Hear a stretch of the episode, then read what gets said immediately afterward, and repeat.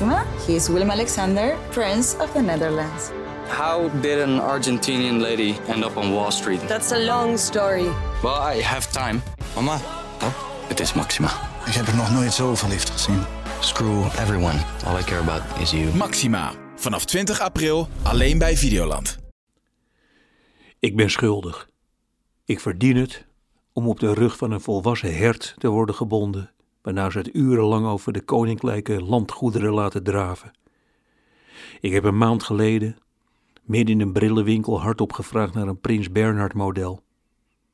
De verkoper vroeg of ik de oude of de nieuwe bedoelde. Ze lieten me allebei de modellen zien. Met de bril van de oude Bernhard leek ik op Johnny Jordaan, vlak nadat hij heeft gehoord dat Willy Alberti is overleden. Maar ik bedoelde natuurlijk de bril van de nieuwe Bernhard. Een montuur dat oorspronkelijk werd ontworpen als een eenvoudig racecircuit. Een bril waar je je aan vast kunt houden tijdens een aardbeving. De nieuwe Bernhard-bril, die doe je op als je er modern uit wilt zien tijdens het hakken in een glasplaat. Oogbescherming en geil tegelijk. Als je de bril bij de poten vasthoudt, dan kun je op de glazen een ontbijt serveren. Ik snap nu pas dat ik fout zat. Net zoals de PvdA het in een fiscaal plan nooit over een Prins Bernhard belasting had mogen hebben. Kan die jongen er wat aan doen dat hij geen idee heeft wat hij met ons geld moet doen? Het heeft me wel aan het denken gezet. Doe ik dat niet te veel? Iemands naam oneigenlijk en op een kwetsende manier gebruiken? Heb ik ooit naar een Roel van Velsen gitaar gevraagd? Ik geloof het niet.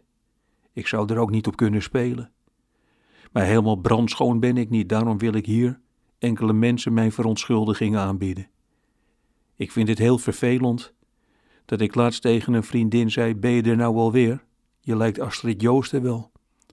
Ik had dat niet moeten doen. Astrid Joost is een vakvrouw. Niemand zit leuker achter een tafel. Ik betreur het dat ik enige tijd geleden de volgende vraag stelde aan een vriend. Zeg, heb jij de ziekte van Herman den Blijker? Dat iemand met een mond vol vlees en vis een beetje onverstaanbaar spreekt, daar kan Herman natuurlijk helemaal niks aan doen.